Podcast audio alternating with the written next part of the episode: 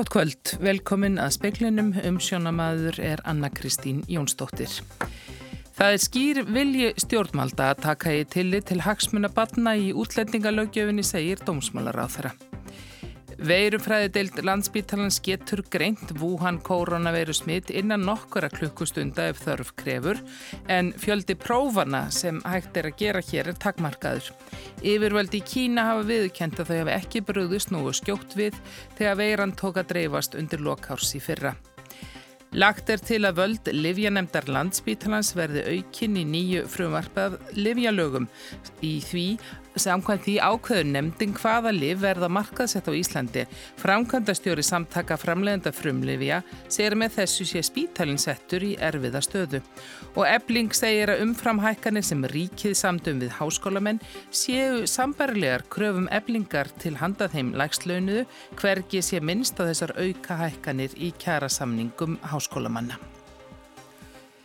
Kínversk stjórnmöld viðurkendi í dag að þau hefði ekki brugðist nægilega skjótt við þegar Wuhan koronaveiran tók að breyðast út undir lok síðasta árs. Í morgun var tilkynntum 57 ný döðsföll í Kína. Tölurum fjölda látina vekki hækka ég að pratta á einum degi síðan að veiran tók að breyðast út. Kalla hefur verið eftir endurskoðun á almannavarnakerfi landsins vegna þess hver hægt var brugðist við samkvæmt kínversku ríkisfréttastofunni Sínua. 362 hafa látist og yfir 17.000 síksta veirunni í 24 löndum. Heilbyrðis yfirvöld í Wuhan hafa áður verið gaggrind fyrir að hafa við vitað af smittum nýrar veiru án þess að greina frá því fyrir hún tók að breyðast út. Veirufræðideild landsbítalans getur greint Wuhan koronaveiru smitt á tveimur til þremur klukkustundum. Þegar hafa síni úr tveimur ferðamennum verið greint þeir reyndust vera með aðra veiru. Fjöldi prófa sem hægt er að framkama hérlendi sé takkmarkaður og því mikilvægt að einungis séu sendt til greiningar síni þar sem raunverulegar líkur eru taldar á smitti.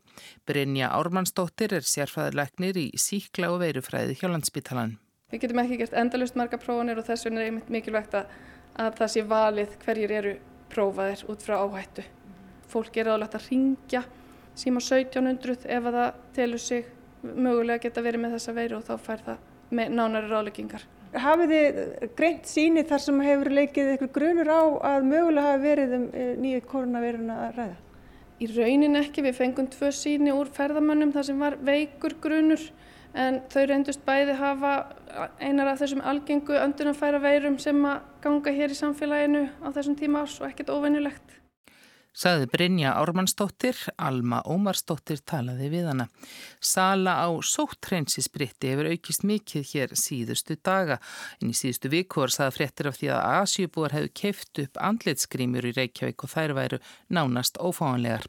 Landlæknir hefur gefið tilmæli um síkingarvarnir og mælstæð til þess að fólk gæti vel að almennu hreinleiti sérstaklega handþvoti. Handþvotur er saðu duga talsvert betur sem síklavörn en andlitsgrímur andlitskrímur. Farþega þóta kanadíska flugfélagsins er Kanada hefur ringsólað yfir Madrid í um þrjár klukkustundir vegna skemta á lendingabúnaði. Skemtir urðu á vélni skömmu eftir flugtak frá Barajas flugvellinum í Madrid. Flugmennir er nú að brenna eldsneiti áður en þeir reyna lendingu. 130 eru um borð í vélni sem er Boeing 767 farþegaþóta. F-18 vél spænska hersins er flóið við hlið farþegaþótunar og vonasti til að áhöfn hennar geti metið skemdirnar. Mikill viðbúnaður er á vellinum en áallega er að lending verði reynd um klukkan hálf átta að staðartíma eða um hálf sjö að íslenskum tíma. Áslaug Arna Sigurbjörnsdóttir dómsmálaráð þeirra segir að svo breyting sem hún ákvaða að gera og reglugerðum máls meðferð útlendingastofnar um helgina hafi áhrif á örfáar fjölskyldur. Íslensk stjórnvöld ákvaðum helgina að vísa ekki pakistanskum dreng og fjölskyldu hans af landi brott í dag líkt og tilstóð. Ég tók það ákvörðun að breyta reglum er varðar börn í efnismæðferðarmálum. Það hefur verið markmið okkar að minka málsmæðferðartíma og sérstaklega í, í stöðu þar sem börn eigi hlut og þess vegna tekið það ákvörðun. Veistu hvað þessi breyting mun hafa áhrif á margar fjölskyldur sem að hér eru? Eh, það er ekki alveg komið endalega niðurstæði í það að verða að skoða það hvaða eh, fjölskyldur það eru sem falla undir þannig 16 mánuða frest en það þurfu örfóa fjölskyldur en það hefur málsmeðferð í þessum málum verið stitt verulega og málsmeðferð tímin að meðlagi í efnismeðferð málum eru 7 mánuður. Þú ætlar að kynni ríkistjótt áformum að stitta hámarkstíma málsmeðferðar hjá barnafjölskyldum. Hvernig ætlar að gera það? Á förstu daginn. Eh, hvaða svona skilabúð ert að senda með þessu öll saman? Það er skýr vilji stjórnvalda að það sé tekið sérstaklega tilliti til hagsmuna barna í útlendingalögjufinni og það hefur verið að gera og þarna er eh, verið að undistryka þann vilji okkar. Sagði Áslögu Arna Sigurbjörnsdóttir Jóhann Bjarni Kolbjörnsson talaði við hana. Meira um þessi mál og fyrirspurnir um þau og alþingi síðar í speklinu. Vilji er til þess á Íslandi að viðurlög við broti á síðareglum alþingismanna séu væg, segir sérfræðingur ÖSE. Tveir fulltrúar ÖSE, Öryggis og saministofnunar Evrópu verða hér í dag og á morgun til að veita ráðgjöf um endurskoðun síðaregluna alþingis. Jacobo Leone, sérfræðingur á sviði líðræðistjórnunar hjá ÖSE er annar sérfræðingan að tvekja. Hann segir dýrmætt að alþingi ætla að nýta reynslu sín af klausturmálinu til þess að endur skoða siðureglunar en það hafi, líkt og fórseti alþingis hafi bent á, komið í ljós annmarkar á frankvandera. Mikilvægt sé að læra af þeirri reynslu og nýtana til þess að skapa grundvöld til umræðana um siðferði og heilindi og hvaða siðferði skildi þingmenn þurfa að tilenga sér. Uh, uh, to... Leóni segir að viðmið breytist, neykslismál geti kalla fram umræðu meðal almennings sem jafnframt getur krafist viðbræða frá alþingi. Hann segist ánaður með aðferðina við endurskoðunina en telur þó nöðsilegt á einhverju stíja að kalla til viðtakari umræðu með að aðkomu almennings og fjölmiðla. Eitt af því sem deilt hefur verið um er hvort viðurlög skuli vera við broti á síðaröklum. Aðspurður segir Leóni að lámarks viðurlög eigi að vera við slíku broti. Á Íslandi sé vilji fyrir því um þessar myndir að viðurlögin séu væg og felist í því að almenningu sé upplýstur um görðir þingmanns sem gerist brotlegur við síðaröklur. Other parliaments are taking this a little bit further. So they are uh, providing uh, stronger sanctions in terms of uh, fees for MPs that are uh, wrong behaving, in terms of uh, barring MPs from representing the parliament uh, in outside visit or. Önnur þjóðþing hafi gengið lengra og séu með strángari viðlögu við brotum á siðreglum, svo sem fjársekt eða bann við að gegna formunsku í þingnemt. Hins vegar sé ekkert eitt rétt í þessum efnum. Sigriður Dögg Auðunstóttir tók saman og rætti við Jakob Ó Leóni. Áfram mælist jarðskjáltavirkni í Grend við Grindavík. Dagurinn hefur þó verið nokkuð tíðenda lítill frá miðnetti mældust um 60 skjáltar á svæðinu, flestir undir tveimur. Landris við fjallið Þorbjörn hefur haldið áfram og nýjustu mælingar sína að land hefur risið um 5 cm frá því 20. januar. Næsti fundur vísindaráðs almannavarnaráðs verður á 5. daginn. Fjölmargar aðtúasemdir hafa verið gerðar við aukinvöld sem Livja nefnd landsbítalansfær samkvæmt frumvarfi til nýra Livjalaga. Livja nefndin ákveður samkvæmt því hvaða liv verða markaðsett. Jakob Falur Garðarsson, framkvæmdastjóri frumtaka, samtaka framleðenda frum Livja, segir að spítalinn verði settur í ómögulega stöðu. Livjanemdir sem starfað hafa á heilbreyðistofnunum verða lagðar niður og Livjanemd landspítalans tekur við hlutverki þeirra ef frumvarpið verður samþygt og breytt. Livjagreislu nemnd hefur núna völd til að ákveða hvort markað setja eigi liv á Íslandi. Það vald færist til Livjastofnunar en með þeim hætti að Livjanemd landspítalans tekur þessar ákvarðanir í raun. Jakob Falur segir að landspítalinn sé settur í ómögulega stöðu. Því að landsbítalunum verður raun og verið gert að sitja íla eh, begja vegna borðsins, svo má segja. Hún er berið að taka ákvörðum hvaða lið verða markasett, svo er hann í raun og veru okkar langsamlega stæstu og mikilvægti viðskiptavinnur. Þannig að landsbítalinn verður settur í erfiða stöðu. Einning er lagt til í frumvarpinu að ákvarðanir Livjanemdar landsbítalans séu endanlegar og ekki hægt að kæra þær til ráðherra. Frumtök gera miklar aðtúasemdir við það. Livjanemdin lúti ekki þeim lögum og reglum sem gildi um opimberar stjórnvalds ákvarðanir. Þannig að við munum ekki geta á neitt hátt sem umsækjendur komið að eh, í raun og veru störfu nefndar. Við getum ekki oft raukstuðningi og þá má spyrja hver hefur þá eftirlit með störfum þessara nefndar. Þetta var Jakob Falur Garðarsson, Bergljótt Baldurstóttir talaði við hann. Sankvæmt bráðabyrðamati eftir mælingar á loðnustofnunum í janúar vantar mikið upp á að hægt verði að mæla með loðnuveiðum. Stærð rigningarstofnsins mæltist aðeins um 64.000 tonn og það er langt undir mörgum í gildandi aflareglu sem þarf að ná svo að hafaransóknastofnun geti ráðlagt veðar. Á laugardag hófst loðnuleit á ný og gert er að fyrir að þrjú skip verði við mælingar fram yfir miðjan mánuð. Nokkuð algengt er að lögreglun á Suðurlandi berist tilkynningar um vasaþjófnað við Geysi og Gullfoss og grunuleikur á að þjóarni starfi nokkri saman með skipulögðum hætti. Slíkt hefur lítið sem ekkert þekst hér á landi en Ottur Átnason yfir lögreglu þjóðan Suðurlandi sér að tilkynningar um vasaþjófa hef farið að berast fyrir rúmu ári og síðan hafi þær verið reglulegar. Þjófnaðun sé einhverjum tilfellum eins og þekkist við í Evrópu, fórnalömpin tröfluð með einu með öðrum hætti. Þannig hafi fólk til dæmis verið rænt þegar það var upptekið að taka myndir. Otur segir að þjóvarnir losi sig fljótt við þýfið og erfitt sé að hafa hendur í hárið þeirra.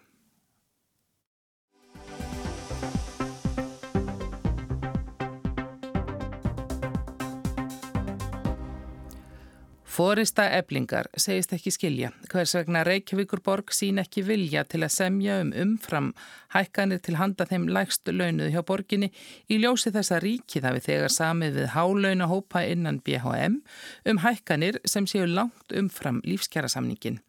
Rúmlega 1800 félagsmenn eblingar sem starfa hjá Reykjavíkborg efna til verkfalls frá hádegi á morgun að miðnætti til að knýja fram launakröfur félagsins, Arna Páll Haugsson. Borgin hefur gaggrínt eblingu fyrir að leggja fram launakröfur sem séu talsvert umfram það sem sami varum í lífskjara samningnum. Ebling hefur svarað á móti að ríki hafi þegar samið vil hálaunahóp einan BHM um launahækkanir sem séu langt umfram lífskjærasamningin. Í lok oktober á síðast ári samti ríki við fjögur féluguinnan BHM. Í samningnum er klárlega hveð á um krónutöluhækkanir sem eru í lífskjærasamningunum sem gerðu var á almennamarkaðunum að mánaðalaun hækjum 68.000 á samningstímanum.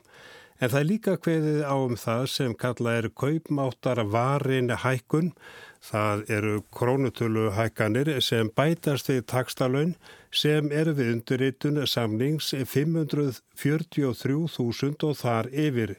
Kaupvarða hækkunin og lífskjara samningshækkunin eru umreiknaðar yfir í prósentur og fara ekki yfir 12,5%. Laun undir 543.000 hækkum með 68.000 krónur á samningstímanum sem í prósentum talið er frá 21% á lægstu takstana.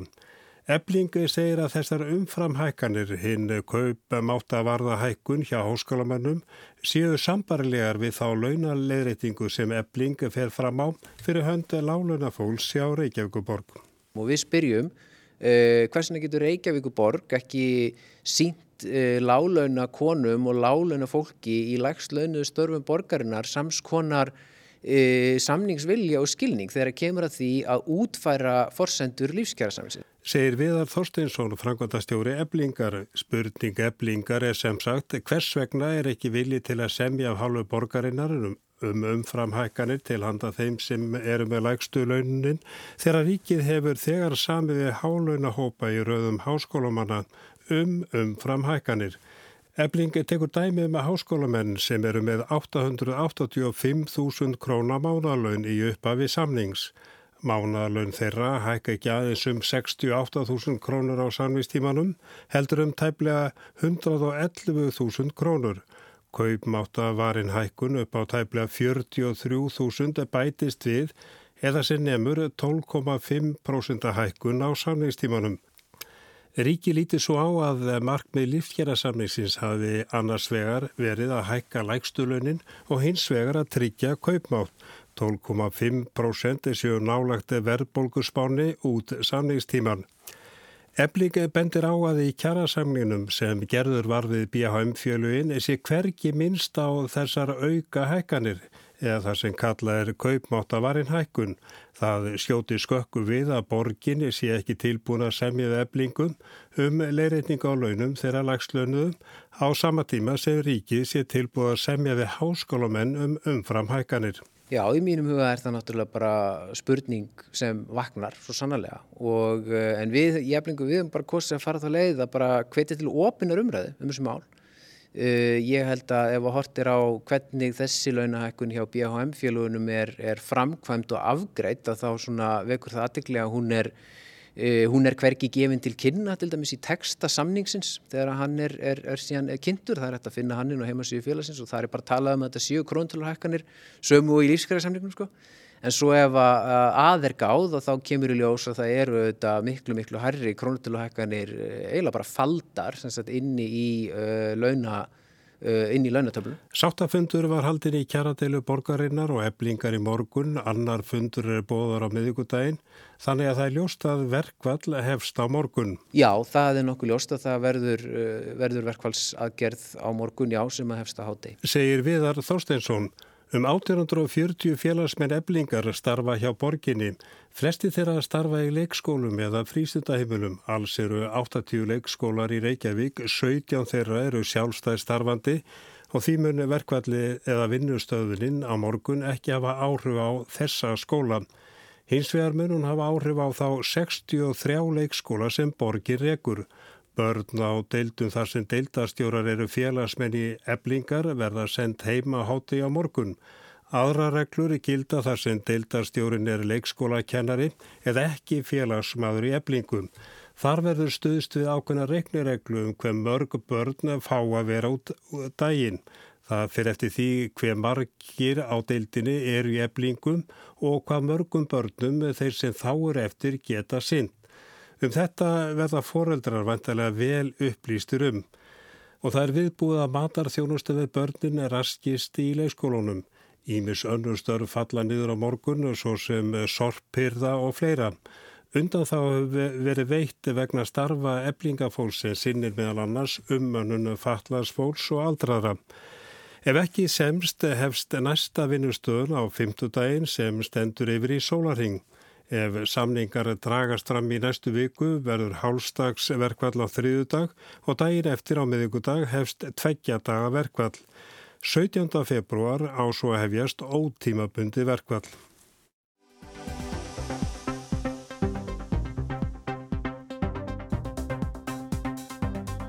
Í gær gaf Áslögu Arna Sigurbjörnsdóttir dómsmálaráð þeirra það út að stitta skuli máls meðferðar tíma í hælismálum þar sem börneiga í hlut úr átján mánuðum í 16. Þetta skuli verða hámarkstími og málsmeðferð eigi að taka skemmri tíma. Útfæra á breytingarnar í reglugerð og þangað til ákveðið að fresta brottvísun badna í málum sem hafa þegar velkst lengur en 16 mánuði í kerfinu. Ákverðinu var kynnt í gær eftir mikla umfjöllun síðustu daga og undirskriftasöfnun vegna pakistanskara fjölskyldu sérstaklega 7 ára gammal strengsjenni sem óskuðu alþjóðlegar vendar fyrir um tveimur árum. Þeirri beðinni var hafnað og flytja átti fólkið úr landi í dag. Haldin var samstöðufundur og 17.000 manns skrifuð undir lista þar sem þess var krafist að fólki fá að vera hér áfram og með ákverðum dómsmálar á þeirra í gær er það svo um sinn. Þetta mál varð tilefni óundirbúina fyrirsputna til dómsmálar á þeirra á alþingi í dag.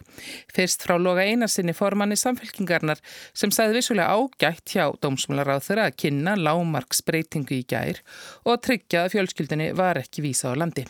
En við getum spurt okkur, hefði eitthvað verið gert ef þjóðin hefði ekki tekið málið í eigin hendur? Ítrekkað hefur nefnilega fólkið í landinu þurft að bjarga einstaklingum í erfiðri stöðu með samtakamætti sínum. Og það er ekkert nóg að stjórnvöld grípi inn gagnvart fólki sem með gott tengslanet eða hreyfir við okkur á einhvern hátt. Við þurfum líka að breyta kerfi sem er ósveigjanlegt og óréttlátt. Lógi sagði að lítið hefði gerst undarfarið í málefnum útlendinga annað en að fyrir rennari áslöðar örnu hefði lagt fram frumvarp sem skerti réttind og kjör þeirra sem hingað leita eftir alþjóðlegri vernd og spurði hvort það yrði sett til hliðar. Ég tek undir með háturtum þingmanni að um þessi e, mál að gilda jafnbræði og við verðum að tryggja það. Það er skýr vilji lögjafans og stjórnvalda að taka sérsta tillit til hagsmuna barna um umsóknir um alþjóðlega vernd og það höfum við sínt með ýmsum breytingum uh, á reglugerðum undanfarna mánuði meðal annars. En lögin okkar eru líka slík af því að háttuðlu þingmaður nefnir af hverju uh, stjórnvöld gríp ekki oftar inn í eða hvað þurfum við til til að grípa inn í. Við hefum reynd að búa þannig um hnútana að við höfum kæru nefnd útlendingamála. Hún er sjálfstæð og úrskurður hennar eru endarlegir. Mikilvægt væri að málinn færu í fagligan farveg og að málsmeðferðin væri ekki laung. Markvist hefði verið unni að því að stitta hana og það hefði tekist nefnir einstökum málum. Hún vísaði líka til máls pakistönsku fjölskyldunar sem hefði þó verið afgreitt af útlendingastofnun og kærunemdini innan átján mánadana sem voru viðmiðið. Loga þótti áslög litlu svara um það hvort frumvarp fyrir ráð þeirra erið sett til hliðar og hann spurði hvort sérstaklega erið liti til málefna badna. Því svaraði áslög til að frumvarpið hefði verið til umsagnar hjá þverrpolitískri þingmannanemnd og þar væri helst stemt að því að stitta með fyrir tíman. Þingmannemndin hefur nú þegar fjallað um það síðastliðin föstudag um málefni barna og við óskum eftir og ég óskar eftir svo vinna haldi áfram. Þorgerðu Katrín Gunnarsdóttir formaður viðresnar byrjaði á því að rósa dómsmálar á þeirra. Eh, sama hvað verður sagt og það er að gaggrina mjög margt, það voru mikilvæg skref tekin í gær. Mér finnst þau ekki nógu stór, en þau voru mikilvæg. Þau snertu eina fjölskyldu og það er það sem er kannski síðan þegar upp í staðið kaltæðnislegt að við erum alltaf að standa frammi fyrir því að þurfa að leysa sértak mál. Af því að ekki síst uh, sjálfstæðisflokkurinn sem hefur farið með dómsmálaræðandið leggur ekki fram lausnir, leggur ekki fram heildarsýn og heildarbreytingar til í átt að því að gera kerfið okkur mannúðlegra. Hér er enginn að tala um stjórnleysa útlendingastefnu. En hún saðist óttast að Áslög Arna væri eiland í sjálfstæðisflokknum hvað þessi mál varðaði, því vísaði Áslög Arna á bug og líka því að breytingin í gæri snerti bara eina fjölskyldu. Vissulega væri stemtað hildarsýn. Við erum að sjá að aðeins tíu árum hefur uh, þeim sem hefur óskað hér um alþjóðlega vend fjölgáður 35 í yfir þúsund. Og við höfum samið ný lög á grundvelli þverrpolítiskar þingmannanemndar sem við erum að fylgja og það er auðvitað alltaf hægt að gera betur, skoða hvort að framkvæmdinn sé eins og lögin hveða áum og það er einmitt það sem ég vil fara að fá frá þessari þverrpolítisku þingmannanemnd. Helgi Hrafn Gunnarsson, þingmaður Pírata, lagði fram sér fyrir spurn. Hann þakkaði fyrir yfirlýsingar um að stitta skuli máls með ferður átjón mánum í 16 en hann bendir á að í málinu sem er kveikja nú fjækst niðurstaða innan átjón mána en fólki er búið að vera hér í 26. Tilgangurinn með þessum tímafresti er vantarlega sá að koma til móts við það að þegar fólk býður hér lengi að þá festir það rætur og það verður í eðlisínu ómannúðlegt að rífa börn, sjóra börn upp með rótum sem er búin að læra tungumálið eða hér marga vini og senda það á landi eftir því líka byggð. En þá getur varla skipt miklu máli hvort fyrir barnið, hvort að byggðin sé vegna þess að eitthvað sé ekki búið á stjórnsýstustígi eða vegna þess að það sé ekki búið að framkvæma brottvísun. Því spyr hann hvort tíminn sem líður að brottvísun verði líka tekininn í tímamörkin bóðuðu. Áslög svarar að tímalengdin sé ekki einverðungu undir íslensku stjórnkerfi komin. Því sé mikilvægt að hafa góð samskipti við lönd sem verðir að vísa fólki til. Og Áslög sagði lokum og markmiðið væri alltaf að enginn verði eins lengi í kerfinu og það mál sem rætt hefði verið um síndi.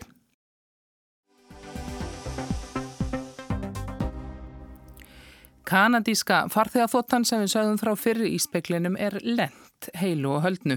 Hún ringsólaði yfir Barajas-flugvellinum í Madrid í rúmar þrjár klukkustundir eftir að skemdir urða á henni skömmu eftir flugtakk. Tali er að minnstakosti eitt hjól vélarnar hafi eðilagst en það kom ekki að sög og vélin lendi eins og aður sagði heilu og höldnu fyrir um fimm mínútum. Pundið fjall í morgun eftir fyrsta boðskap Borisar Johnsons forsættisráþara breyta um stefnu stjórnarinnar. Skilaboð forsættisráþarans í dag til Evropasambandsins benda til harðra samninga við það. Í ræðu í morgun myndi Michel Bernier aðal samningamæður ESB breyta á að þeir væru bundnir af pólitískri yfirlýsingu ESB og breyta um framtíðina. Í fyrstu ræðusinni eftir formlega útgöngu breyta úr Evrópusambandinu nefndi Boris Johnson forsætsráðara ekki Brexit. Ekki það að hann tala ekki um útgöngu, heldur er það sjálft orðið Brexit sem hann tekur sér ekki mun. Hann hefur áður nefnt að Brexit kláraðist með formlegri útgöngu og orðið því óþart. Þar með hefur hann framkvæmt kostningalofordið um að koma Brexit frá, get Brexit done. Aðrir líta þetta öðrum augum, formlega útgangan er að baki en útgangan er ekki stökk heldur langklaup og því líkur ekki fyrir enn í fyrsta lægi í lok ársins ef samningur breyta og ESB um framtíðarsambandið likur þá fyrir eins og stemtir að. Í Facebook ávarfi á förstudaginn var fórsætsráþara umhugað um að þjóðin næði saman eftir deilurnar með og á móti Brexit. Í ávarpans í morgun var tótnin augrandi. Það væri ekki lengur hægt að tala um samning eða engan samning. Brettar hefðu nú þegar gengið út með samning. Það væri búið og gert. Aftur þetta eins og Brexit hefði verið afgreitt. En hver er þá stefnan um framtíðarsamning? The question is whether we agree a trading relationship with the EU comparable to Canada's or more like Australia's. And I have no doubt that in either case the UK will prosper mightily. Johnson segir breyta nú stefna á umfangsmikinn frívestunarsamning við ESB. Spurningin er þá hvernig viðskiptasambandi breyta og ESB verði háttað, hvort sambandið verði eins og ESB hefið Kanada eða kannski við Ástralju. En sama hvað þá efast Johnson ekki um að Breitland muni blómstra af krafti. Vandin er þó að ESB hefur enn ekki fríverslunarsamning við Ástralju. Sá samningur hefur verið í bígerð í tæp tvö ár. Heldur er í gildi takmarkaður samningur um einstök svið. Orðaleikur í gangi, Johnson í raunar tala þarna um að brettar gætu alveg sætt sig við það sem hefur gerðnan verið kolluð samningslaus útganga. Það er samningur á forsendum alþjóða viðskiptastofnunarinnar World Trade Organization. En svo er það fiskurinn sem ímsir telja átakamál í uppsiklingu. We are ready to consider an agreement on fisheries. But it must reflect the fact that the UK will be an independent coastal state at the end of this year, 2020, controlling our own waters. Forsætsráðar er tilbúin að huglega samningum fiskveðar en þá út frá þeirri staðreind að Breitland verður sjálfstækt strandriki í lok ársins með fullar stjórn yfir eigin miðum. Liður í slíkum samning er þið þá árlegar samningaviðræður við ESB byggðar á vísindum og sem treyðu að bresk mið væri fyrst og fremst fyrir bresk skip. Skilabót Jónsons voru því skýr. Miðin er okkar, við munum hafa eigin reglur og staðla, ekki reglur og staðla í SB og ef ekki semst á endanum þá mun Breitland samt blómstra. Tal Johnsons um að blómstra utan ESB, jafnvel án fríverslunarsamnings, skegur marga í viðskiptalífinu eins og mæla mátti á falli punnsins í morgun. Tilbúð ESB eins og Michel Barnier, aðalsamningamæður ESB, kynnti það í morgun, erum mjög viðtakan viðskiptarsamning sem felur í sér tvent sem nú fylgir ESB aðild, enga totla og enga kvóta. Vissulega muni breytar veita ESB samkeppni en samkeppni sé eðlileg. Þetta tilbúð kemur þó með aðminnstakosti tveimur skilirðum. First, we need to make sure competition is and remains open and fair. Second, our free trade agreement must include Í fyrsta lagi er skilirði fyrir fríverslunarsamningi að samkjarnin verði opinn og samgjörn. Í öðru lagi verður samningurinn að nátu fiskveða.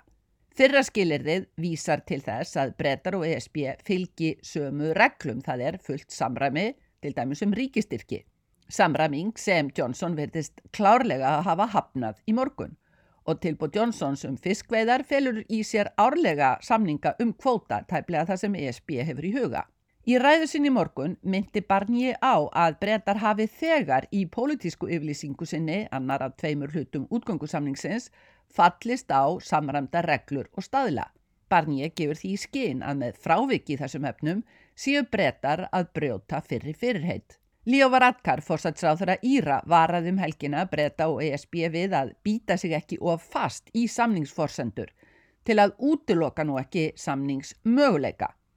Ræður Johnsons og Barnier virðast vísa í gagstaðir áttir og það er ávísun á átök. Sigrun Davísdóttir tók saman.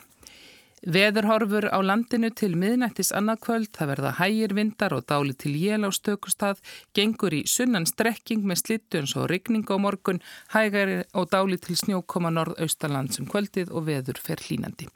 Það er ekki fleira í spekli kvöldsins, Ragnar Gunnarsson sendi út veriði sæl.